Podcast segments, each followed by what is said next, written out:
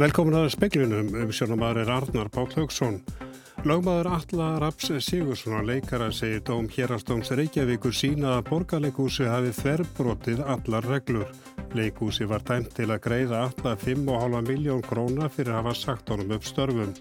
Þrýr ungir menn hafi verið úrskurðar í gæsluvarald vegna stórfelds fíknefna smigl þeirra meðal starfsmæður á Keflavíkuflugvelli. Félagsmenn í Blagamannafélag Íslands samþýttu nú síðdeis með afgerandi meiriluta að fara í verkvall í næstu viku. Í rannsóknum börn sem uh, send voru í sveit á síðustu öll kemur fram að tveira hverjum fimm núlefandi Íslendingum voru sendir í sveit á sumrin. Opinber heimsókn fósitahjónana á Snæfellsnes hóst í dag. Þau fórum með Snæfellsbæ í dag og verða í grunda fyrir á morgun. Einar Þór Sverrisson, lagmaður Allaraps Sigurssonar, segir að borgarleikúsvið hafi brotið alla reglu sem mögulegt að vera hægt að brjóta við uppsögn alla vegna ásakana um kynferðislega áreitni. Hún voru dæmdar 5,5 miljón króna í bætur og 1 miljón í málskostnaði hýrastómi Reykjavíkur í dag vegna málsins. Stjórn leikfélags Reykjavíkur segir að óvisa ríkjum tólkun laga sem tryggja eigi velíjan og öryggi starfsfólks eftir dómin og til skoðuna sé að áfríða dóminum til landstréttar. Einar Þór hafnað því alfarið og segir alla reglur um það hvernig eigi að taka á svona málum skýrar. Í sjálfu sér átti ég ekki vona að þetta færi öðruvísi vegna þess að eins og bara dómurinn tala sínu máli um það að það er reglur sem að gilda og, átt, og sagt gildu þá og gilda í dag að þær voru einfallega bara þverbrotnar í meðferði leikfélagsins á máli allaraps. Það er bara þannig að í gildi reglugerð sem hverður á um að þeirra svona ásakandi koma fram að þá ber að fella það í ákveðin svona málsmeðferðar farveg og niðurstaða stjórnenda leikfélags Reykjavíkur var svo að horfa algjörlega fram hjá þeim reglum og taka bara ákvarðanir sem að fólu í sér brottvikningu á þess að máli væri nokkuð tíma að skoðað. Þetta var Einar Þóru Sverrisson. Þrýr ungir menn hafi verið úrskurðar í gæsluvarald vegna stórfells þýknefna smigls þeirra meðal starfsmaður á Keflavíkur flugvelli. Fleiri hafi verið handteknir við rannsóknmálsins, bæði Íslendingur og útlendingar og það verið nána fjallað um þetta mál í sjómarsfjöttum klukkan 7. Félagsmenn í Bláamannafélagi Íslands samþygtu með afgerandi meirulhuta að fara í verkvall í næstu viku atkvæða greisla fór fram í dag en samningar við samtök aðlunlýsins hafa ekki nást eftir tíu mánuða umleitanir. Á kjörskraf voru 211 en 131 félagsmaður greiti atkvæði greiti atkvæði þar af 109 með verkvalli eða rúmlega 83%. 17 greitu atkvæði gegn verkvalli og auðir eða ógildir seglar voru 5 Hólfríður Dagni Fríðjónsdóttir Fjartamæður er í húsækjunu Blagamannafélagsins. Hólfríður, hvað þýðir þessi verkvælsbóðum Blagamanna? Já, þetta þýðir það að verkföll hefjast að óbreyttu förstu daginn 8. november og tekur til ljósmyndara, tökumanna og bladamanna sem starfa á netmiðlum. Það er frettablaðið, rúf.is, vísi og mbl.is. Þetta eru tímabundin verkföll þrjá förstu dag í november. Svo fara bladamenn á prentmiðlum, morgunbladinu og frettablaðinu að óbreyttu í verkföll 28. november á samt töku og ljósmyndurum á þessum miðlum. Hjálmar Jónsson, þú ert formaður bladamannafélagsins. Já, þetta var samþygt með miklu meirluta. Hver er svona þín fyrstu viðbröðu því? Þetta gefur okkur byrjundi báða vengi þegar bara þessi framöndan er og ég held að þessi, ég minnist þess ekki og hef nú lengi fyrst með kjæramálum að, að atkvæðagreysli félagi og, og, og vinnustöðunar hafi verið afgreitar með jafn afgerandi meiruluta og með jafn afgerandi þáttöku.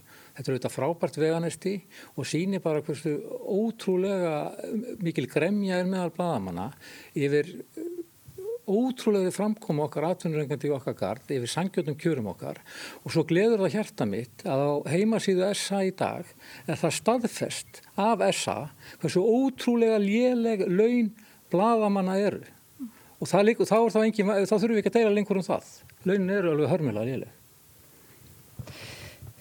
Uh, já, einmitt, samtöku aðlulisins grækgrindu orð þín í fjölmjölum og sögðu rangt að bladamenn væru lagst launaða háskólastéttin. Ég meina, mér sýnist, ég var vistu bara að sjá þetta núna en ég sé ekki að það sem nefnd neina önnur háskólastett sem er á lélæri launum heldur en við. Við erum í rauninni ekki háskólastett en langsamlega flestir bladamenn sem komið til starfa erum að háskólamentuna baki og ef að launin eru 400.873 krónur eftir eitt ári starfi með BA-pró þá liggur það í augum upp að það eru ótrúlega léleg laun í Íslandi nútímars, því miður. Takk fyrir þetta Hjálmar og við segjum betur frá þessu í sjómasfröktum okkar klukkan 7. Já, þakka þér eh, Hólmfríður Dagný og aðeins viðbröð eh, SA, Haldur Benjamin Þorbergsson og frangandastjóri SA segir að verkvöldu valdi efnarsluðu tjóni í samfélaginu. Það ætti að vera hverjulju augljóst að í atvinnugrein sem býr við erfiðar ekstrar stöðu munu verkvöldu ekki auka getu til að standundir kröfum bladamanna um kjarabætur. Hann eh, segir stælja þess ákvörun bladamanna misðrána en hann virði hana engu að síður. Norska tryggingastofnunin er mistúlkaði reglugjara Európusambansins með þeim afleiðingum að 48 manns hlutu dóma fyrir tryggingasvindl. Þeir eh, þingstu voru 8 mánuða dómar, óskilorspundnir, sangant upplýsingum frá sjúkratryggingum Íslands, hefur reglugjörðin ekki verið tólkuð með sama hætti hér og í Nóriði. Rángtúlku norsku tryggingastofnarinnar uppgötaðist í fyrra en reglugerðin tók gildi árið 2012. Hún kveður á um að þeir sem dvelja innan Evróska efnaðarsvæðisins eigi rétt á bótu með lendi slísi óháð því hvar þeir búa. Norska tryggingastofnunin tólkaði þær sem svo að þetta ætti ekki við og krafði um 2400 manns með endur greiðslu bóta. Týjir vildu ekki greiða eða höfðu ekki efni á því og hafa á síðustu árum verið sakveldir á grundvelli þessarar rángtúlkunar. Lengsti fangelsistómurinn var 8 mánuðir en flestir þeirra voru skilóspundnir. Flest málinn eru þannig til komin að norski ríkisborgarar slösuðust í heimalandinu, fengu dæmdar bætur eða slísadagpenninga, fluttu úr landi og fengu áfram bætur. Málið skekur nú norsk stjórnmál. Vinnumálar á þeirran Annikin Hókli saði málið graf alvarlegt og hefur bóðað óháðar ansókn á því hvernig þetta gat gerst. Erna Solberg, fósættisráþurra, var spurð út í þetta á bladamannafundi Norrænu fósættisráþurranna á Norðurlandaráðsþinginu í Stokkólmi í morgun og saði þetta mjög miður. Det er dypt beklagelig. Altså, det er klart at det at vi har, at vi har dømt folk til fengsel Solberg sagði hann hegstli að svona gæti gerst og að mínstökin hefði ekki komið í ljós fyrr. Katrín Jakobsdóttir fósættisáþurra var einnig spurð álits en hún sagðist ekki þekkja dæmi þessa hér á landi og það rýmar við upplýsingar frá sjúkratryggingum Íslands. Réttur til bóta skerðist ekki þótt bóta þegar flytji sig um set innan evróska efnaðsvæðisins. Bjarni Pyrti Jónsson saði frá. Hagnaður Íslandsbanka dróðs saman um 2,4 miljardar á fyrstu nýju mánuðum ásins með því sama tímabili fyrra og nefnur nú 6,8 miljónum krónar. Arsemi eigin fjár fer úr 7,1% í 5,1% virðis breyting útlána var neikvæðum eh, rúma 2 miljardar en var jákvæðum tæpa 1,9 miljardar í fyrra. Hagnar bankans á þriðja ásfjörðungi var 2,1 miljardur króna sem er sama uppæð og á þriðja ásfjörðungi í fyrra. Hafransunarstofnunni leggst gegn loðnuviðum á næsta fiskvið árin þó heikjast vísindamenn stofnunarinnar meta stöðun á ný upp úr áramótum og verður þá tekin ákvörðun um framhaldið. Hafaransóknarskipið Árni Fridriksson og norska uppsjávarskipið Eros voru við loðnuleit í hálfan annan mánuð frá því snemma í september fram yfir miðjan oktober.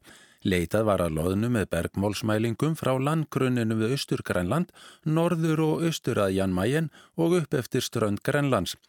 Trátt fyrir að loðna fyndist víða var hún mismikil. Unglóðuna fannst vestast og sunnan til á svæðinu en hún myndar ekki hrigningar og veiðistofn fyrir en á þarnæstu vertið. Norðar á landgrunni Grænlands, austan við Skoresbysund, var eldri loðna ábyrrandi. Lítið fannst hins vera fulloriðinni loðnu innan íslenskra lögsugu og var hún meira vestar á svæðinu eins og verið hefur undanfærin ár. Engin loðna fannst norðan við 71. gráðu norrlagra breytar. Þessa niðurstur urðu til þess að vísindamenn hafrannsóknastöfnuna lögðu til að veiðar verði ekki heimilaður á næstu vertið. Brynur Þór Guimarsson sagði okkur frá loðnunni. Fórsetahjóni Guðni T.H. Jóhannesson og Elisa Rít eru í heimsókn á Snæfellsnesi. Þau voru í, í Snæfellsbæ í dag og fara í grundaferð á morgun þar sem þau fá að kynna samfélaginu atunlífi og íbúum. Í dag hlustuðu þau líka á söng yngstu barnaram í grunnskóla Snæfellsbæjar.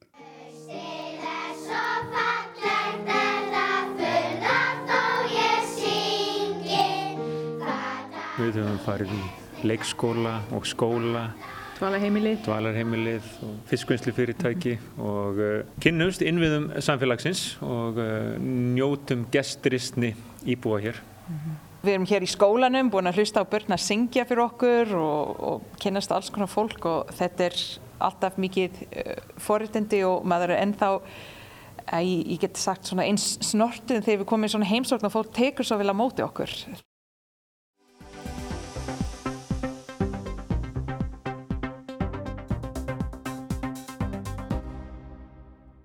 Arne Solmundsson segir að óháð veiðum sé ekki fossundur í náttúrinni til að byggja upp stóra rjúpnastofna eins og þekktust hér áður fyrr. Hann segir að fjöldi veiðidaga skipt ekki máli heldur hvenar ás sé veitt. Hann hefur ringti í gögnum rjúpuna sem staðfeisti að viðkoma hennar hafi mingað um 15 frá árnu 2004. rjúpu. Rjóknaveiði tímabili hefst á förstu dag og stendur að þessu sinni í 22 dagan. Banna verður að veiða miðugudaga og fymtudaga. Veiðidögum hefur fjölgað með sjö frá því í fyrra en eftir veiðibanna á sínu tíma var veiðinar einungis bundin við helgar. Rjúpan er líklega sá fuggla á Íslandi sem mest hefur verið rannsakaður en samt sem áður hafa ekki fengist tæmandi upplýsingar um stopnin. Það er ekki sísti fyrir tilstöðlan Ólafs K. Nílsen, fugglafræðings hjá náttúrufræðistofnun sem mikil tölfræði likur fyrir allt frá árunnu 1981. Arne Solmundsson sem situr í fagráði skotvísum vöktun rannsóknur og veiðistjórnun hefur leigið yfir þessum tölum.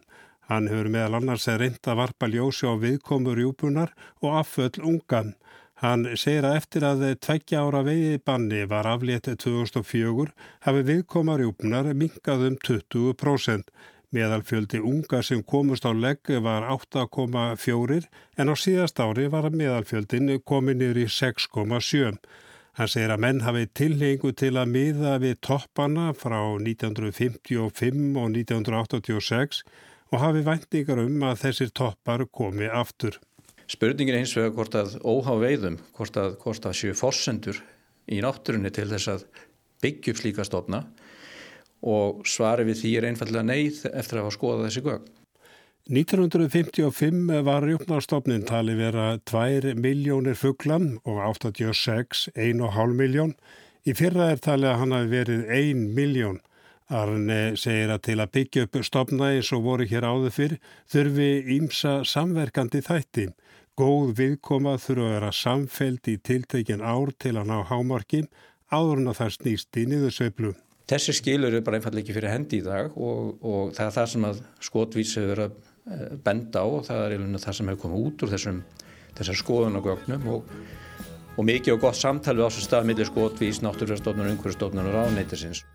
Hún er fögur Hann segir að nú sé mikilvægt að þróa það sem hann kallar ákvarðunar kerfi. Mikilvægt sé að stopnarnir vinni saman, náttúrufræðistofnun, umhverjustofnun, skotvís og fleiri til að glöggva sig á ástandun og meta hvað má veiða mikið.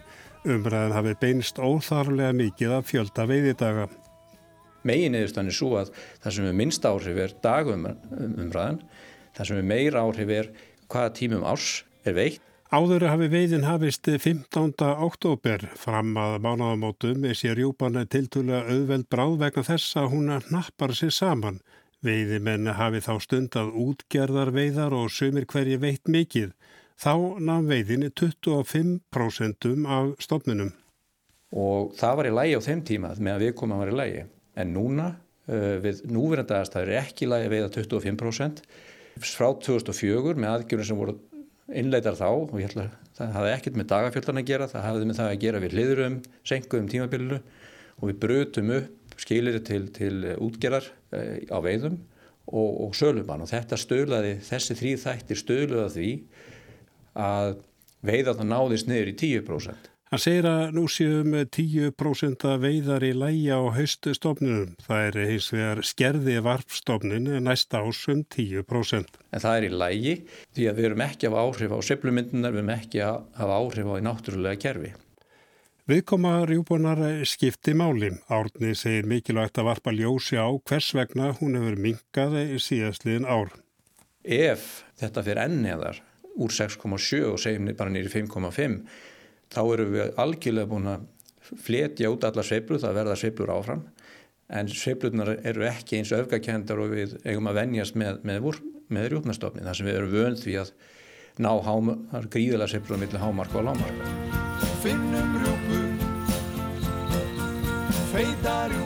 Lengi hefur einblínt á að vetrar af föll í rjóknarstofnunum séu afgerandi þáttur. Hins vegar benda tölur sem Arni hefur farið yfir til að sumaraföll skipti talsverðu máli. Nauðsilegt sé að vinna meira og varpa ljósi á þetta. Ímsar kenningar sé á lofti. Kanski vinsælasta tilgáttan er að, að stækandi refastopp geti haft áhrif á, á, á það hvað margi ungar komast lífsaf yfir, eftir, eftir sumarið. Það er vinsælkenning en alls ekki sönnuð. Og varandi refastöfnum þá verist vera mjög svo ég farið svo aftur yfir í, í vetraraföllin að það verist vera mjög lítið sem stiðu við, við það að stækandi reyfastofn hafi áhrif á stórkostlega áhrif á vetraraföllin en þegar kemur sumaraföllum þá er þetta sannlega kenning sem á rétt á sér. Afföll fyrsta ásfugla skipta máli þau geta verið um 80% þegar stopnin er í lagð. Útreikningar Arne benda til þess að 1% stig af þessum afföllum megi skrifa á veðarnar. Við koman skipti megin máli. Hann bendur á að þegar þeim ungun sem komast á leggja fækkjur 8,3 í 6,7 jafngildi það 12% veiðum eða meirinn verið sé að veiða í dag. Skotvís hefur bent á að fjöldi veiðdagar skipta ekki máli. Meðal veiðmaður fara til veiða í fjóra daga. Já, þessa niðurstöðu kom okkur, myndi segja okkur sjálfum ávart þó, þó að skotuminn hafi notað Eh, þetta í raugræðinum að dagar skipti ekki máli því aðfellin er svo gríðarlega hvort sem er. Eh, skum ekki gleyma því að, að breytt fyrirkomlag breytti því að við veitum 10% stofnum í staða 25 áður. Dagarnir er minnsta breytan í þessu. Það er aðalega það að við veljum að gömgefni hvinar við, við förum að veiðar og, og november eh, eins og núna, nú megum við veiða alla november fyrir utan Eh, miðgudag og fymtudag sem gera í heldina 22 daga. Eh, þetta fyrirkomulag uppfyllir þau skilir sem við setjum fyrir því að ná þessu markmiði um 10%. Aðal markmiði er ekki fjöld í dag, aðal markmiði er að halda veiðunum um og í kringum 10% og eh, hvaða leiðir við förum til þess að tryggja svo verði. Leiðin sem er farin er að við hefjum veiðarna setna, við brjótum vikurnar upp og það er sölumann að þessu skilurum uppfylltum ættum við að tryggja að við verðum innan við 10%. Nú ef það gerist ekki, ef við förum upp í 15%, nú þá verðum við að endur skoða fyrirkomulegið. Þetta var Arne Solmundsson.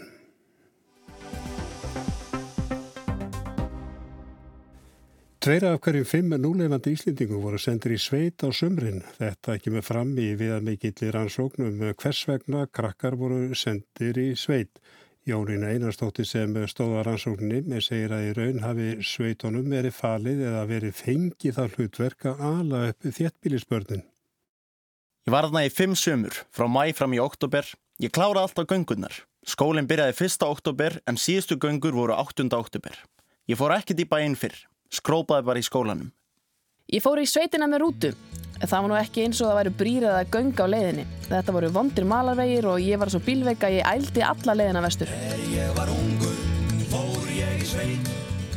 Þetta voru brot úr reynslusögu þeirra fjölmörgu barna sem sendur í sveit á sumrinni fram eftir síðustu öld. Sankvæmda rannsóng sem Jónín Einarstóttir, professor í mannfræði og Geir Gunnlaugsson, professor í nattrætni, heilsu og barnalæknir unnum. Um sveitardvölu barna kemur fram að tveira hverju fimm núlefandi Íslendingum hafi verið sendir eða farið í sveit. Einn fymtulhutti hafi alist upp í sveit og tveir fymtu hlutar fóru ekki og aðtilgisvert er að helmingur þeirra vildi fara en fjekk ekki sveitaplás. Fjölmargir leggja hönd á plói í rannsóknu sem nú hefur gefið út í tveimur bókum.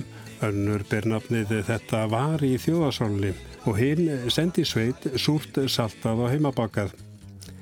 En hvers vegna voru börn sendi sveit? Já, ég tel að sveitunum hafi verið útluta þessu svo kulluða uppeldis hlutverki að ala upp þéttbílisbörn, kenna þeim að vinna en það var líka í pakkanum að eh, læra með þetta náttúruna, umgangastýr og það var mikil áherslu lögð á að sveitirnar var vakka íslenskra menningar, þar væri fallegasta tungumálið talað og svo framvegis og framvegis. Það var mikið talað um reglufestu sveitana að börn sem að ólust upp á götunni í bæasóllinum þau hefðu gott að því að kynast reglufestu og þessi reglufesta endur speklast til dæmis í mjög reglubundnum máltíðum. Segir Jónina Einarstóttir, svo fólst reglu sem er líka í störfum, söðburðurinn að vori sting út úr húsónum, heiskapur og loks leitir. En helgast ekki þessi síður að börn færi sveita því að landbúnaðurinn þurft á vinni að bli að halda? Svona upp úr aldamótun 1900 og með því að vista skildan leysist upp þá verður mikil vinnufólks ekla í sveitunum. Og þá eru margir sem leggja til að, að börn geti þá komið að einhver leitu og leist þetta af og sagt, leist af þetta vinnufólk sem hafi þá flúið sveitirnar. Mjög skemmtileg umræðum að þau væri kannski líka ekki bara að flýja þrældáminni sveitin heldur líka leðindin og það eru dæmi um það náttúrulega alla öldina að það hafi verið eh, mikil þörf fyrir þess börn, sérstaklega eldri börnin, ekki litlu börnin, það var svo mikið að litlum börnin sem fór í sveit og en sérstaklega eldri börnin og það til dæmis í, í deilum um, á alþingi um lámasaldur við Astrid Dráttafjöla utanvega. Þar segja þingmenn reynd út að bændur hafi ekki aðgangað öðru vinnafli og við getum ekki haft lámarsöldur því þá hefur þeir enga til að kera dráttavilarnar. Einlegin er eh, að foreldrar eh, já, þurftu líka kannski á þess að halda uh, bara meðal annars vegna vinnu. Já, það er mjög skýrt að oft þurfti að leta á heimilum af allskyns ástafum og þá þurftu fóreldra að losna við börnin sinn og yfir sumatimman hábjargræðistimman eins og var kallaðist. Og þá var leið að koma þeim í sveit. Það var ekkit óalgjent líka húsmaður innu á sömrin, húsmaður sem að unnu ekki launaði vinn á vetun það eru unnu á sömrin og þá þurftu að koma börnunum fyrir og það var ekkit annað úræð en þá var ótt verið að reyna að koma fyrir þessum yngstu börnum. En talandi um þörf eh, bænda fyrir vinnukraft, þá má líka benda það að alla 20 stöldina, alveg frá aldamótonum og til dagsins í dag, er kvartað undan samtími skorti á sveitaheimilum. Og ein aðal ástæða þess að fara ekki í sveit var svo að viðkomandi hafði enga stað að fara á. Þið törru við já, fjöldan allan af börnum sem að höfðu verið í sveit þau voru þarna mörg hver ansi lengi, þetta var ekki eins og kannski setni tíð tvær vikur, þetta var kannski fjóri til fimm mánuður á ári e, getur þau sagt eitthvað um það hvernig börnunum leið, var þetta leiðin vel eða leiðin illa, var þetta allt frá því að vera góð heimili yfir það að vera slæm heimili? E, það er mjög augljóst að við tölum um fólk að fullur fólk þá sem var sendið sveiti sko, að aðlatri að vera var að vera hjá góðu fólki. Og það er bara sí endur tekið e, það koma óvart, það eru ímsir þættir sem koma óvart, sérstaklega með tilliti til umræðu sem að hafa verið um aldamótin e, síðustu fyrir og eftir um uh, illa meðferð á börnum á stofnunum ríkisins en líka frásagnir að vilja meðferð í sveit. Það kom verulega óvart þráttur allt hvað fólk er ánægt með þennan síð og ánægt með eigin reynslu. 93-94% þeirra sem við, við gerðum spurningalistakonun úrtak úr þjóskrá 93-94% seg, segjast eiga margar góðar minningar á sveitinni og e, eitthvað heldur læri tala segist vera mjög ánæg með þennan síð og sína dvöl Þannig að þið get ekki staðfest að það hefur verið mikið óbeldi á bönnum? Við getum staðfest að það var óbeldi á bönnum, já. Það eru þarna 7% eftir sem get ekki sagt að þeir hafi margar góðar minningar. Og það er um það byrj, ég myndi ekki ská cirka 10% sem er ósættur og var, við vitum að það var óbeldi á bönnum og við höfum heimildur um það líka. Þannig að við höfum sem sagt eh, hóp sem er mjög sáttur við sína döl en það aðtiklisverða er að það þýðir ekki alltaf að lífið hafi verið létt. Þú getur haft mjög, það eru einstaklingar sem segja ég lærði mjög mikið, mér leiði vel í sveitin en það var ekki alltaf létt. Sem er fengu heimþrá, sérstaklega til að byrja með það var mikið vinnu álaga á ákonum hóp af bönnum, unnu óheirilega mikið og það er kannski það aðtiklisverða þegar fólki beðum að draga saman lærdóminn þá eru mjög margir sem að hugsa til vinnunar og að það hefði lært að vinna og það hefði lært ákveðna vinnu síðferði. Það er ákveðin hópur sem að kunni vel að meta, það var tala við þau eins og fullorðið fólk og þau var útlutað verkefnum og þú barst ábyrðað þessum verkefnum og þú lögstum. Það var engin annar að ljúka þeim fyrir þig og þessu fylgir svona ákveði stolt og fólk sér já ég lærði þetta þarna að, að sinna mínum störfum og ég lærði að vinna. Þið tala líka um uh, fjörðungsforeldra, hvað er það? Já, það kemur uh, í beinu framhaldarspurningunni hjá þar áðan. Það er það hvað margir dvöldu lengi í sveitinni. Það var bara stór hópur sem dvöldi þrjá mánuði og jafnvel fjóru og sumur fimm og einhverju glemtist í sveitinni og voru þá einlengur og þá hefum við komið upp með þessa hugmynd að þessi foreldrar í sveitinni sem að fólki í sveitinni sem önnust þessi bönn voru þeirra fjórðungsforeldrar því þarna var komin fjórðungur úr ári. Og það er líka mjög áhæfert sem ég held að sé nýjumræða um þennan sið sem ekki hefur verið fjallað mikið um. Það er hvað þýtti það fyrir sveitaheimilin að taka móti öllum þessum bönn hvað þýtti það fyrir bönn í sveitinni að það kom svona mikið sem voru þá fyrir að það komu öll þessi bönn og uh, okkar nýðustur að það eru sérstaklega konur sem að konur til sveita sem að fengu þetta hlutverk að sinna þessum börnum því þau voru sum mjög ung.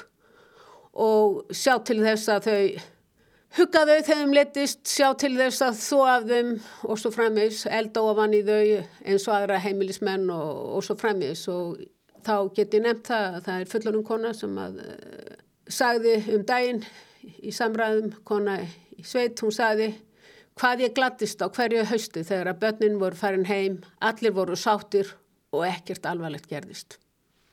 Ég mynd ekkert alvarlegt gerðist. Eh, þetta voru börn sem voru mjög ofta að vinna fullorðins eh, vinnu, eh, erfiða vinnu, vinnu slís. Þið farið sérstaklega til næmis í dráttavila slís að þarna krakka voru að, keira dráttavilar. Já, við sjáum það að eh, um fjórungur eh, þeirra barna sem fór í sveit og þá má nefna það að, að niðurstu okkar sína að 250 af öllum núlefandi íslendingum fór í sveit. Svo þetta var engin smáfjöldi að því að þeim hefur sérlega líka fækkað svona þegar fór að líða á síðustöld og þessari og, eh, og stól hluti af þeim, tæpilega helmingur af þeim kerið dráttavél við ræðum mikið við þau, það var mjög spennandi, þetta var verkefni sem að mörgum sérstaklega drengjónum en líka stúlkum sem óguð fannst eitt af mest spennandi sem gerðu, það var heilmikið ævintir að fá að gera dráttafél og líka ég mann eitthvað sem minnast þess bara að fá þessa ábyrð að keira þessa vél. En uh, það var mikið að dráttafélaslýsum og banaslýsum og við höfum farið í gegnum bara banaslýsin eins og leggja sig og okkar niðurstaða er svo að það voru fyrst og fremst karpendur sem letist í bannaslýsum en það voru börnið þeirra líka. E, lítil börn letist talsvört oft og þá bæði strákar og stelpur oft vegna þess að þeir lendu í vélunum og síðan voru það strákar sendur í sveit og einstakka gestabörn Þetta var Jónina Einarstóttir og við segðum frá því í speiklunum að lagmaður Allarab Sigursson og leikara segi dóm hér á Stóms Reykjavíku sína að borgarleikúsið hafið þverbrótið alla reglur. Leikúsi var dæmt til að greiða alla 5,5 miljón króna fyrir að hafa sagt honum upp störfum. Þrýr ungir menn hafið úrskurðar í gæsluvarald vegna stórfælds fíknefnarsmyggs þeirra á meðal er starfsmæður á Keflavíkuflöfulli og það verið sagt nánar frá þessu já, stórfælda smigli í fréttum sjómars klukkan 7. Félagsmenni í Blagamannafélag Íslands er samtæktun úr sítiðis með afgerandi meir hluta að fara í verkvalli í næstu viku. Opinber heimsóknu fórseta hjónuna eh, hófst í dag á Snæfellsnesi. Þau fórum Snæfellsbæ í dag og verða í grundarfyrði í á morgun. Aðeins um veðrið, söðvestan 3-10 metrar á sekundu, kvassast norðvestan til er rigning eða súld á köplum en þurft að kalla á austanverðulandinu. Hiti við að 2-7 stig, á morgun stýttur upp með víðaskvar og kólnar heldur. Tæknumæri útsendingunni var Martin Martinsson, verðið sæl.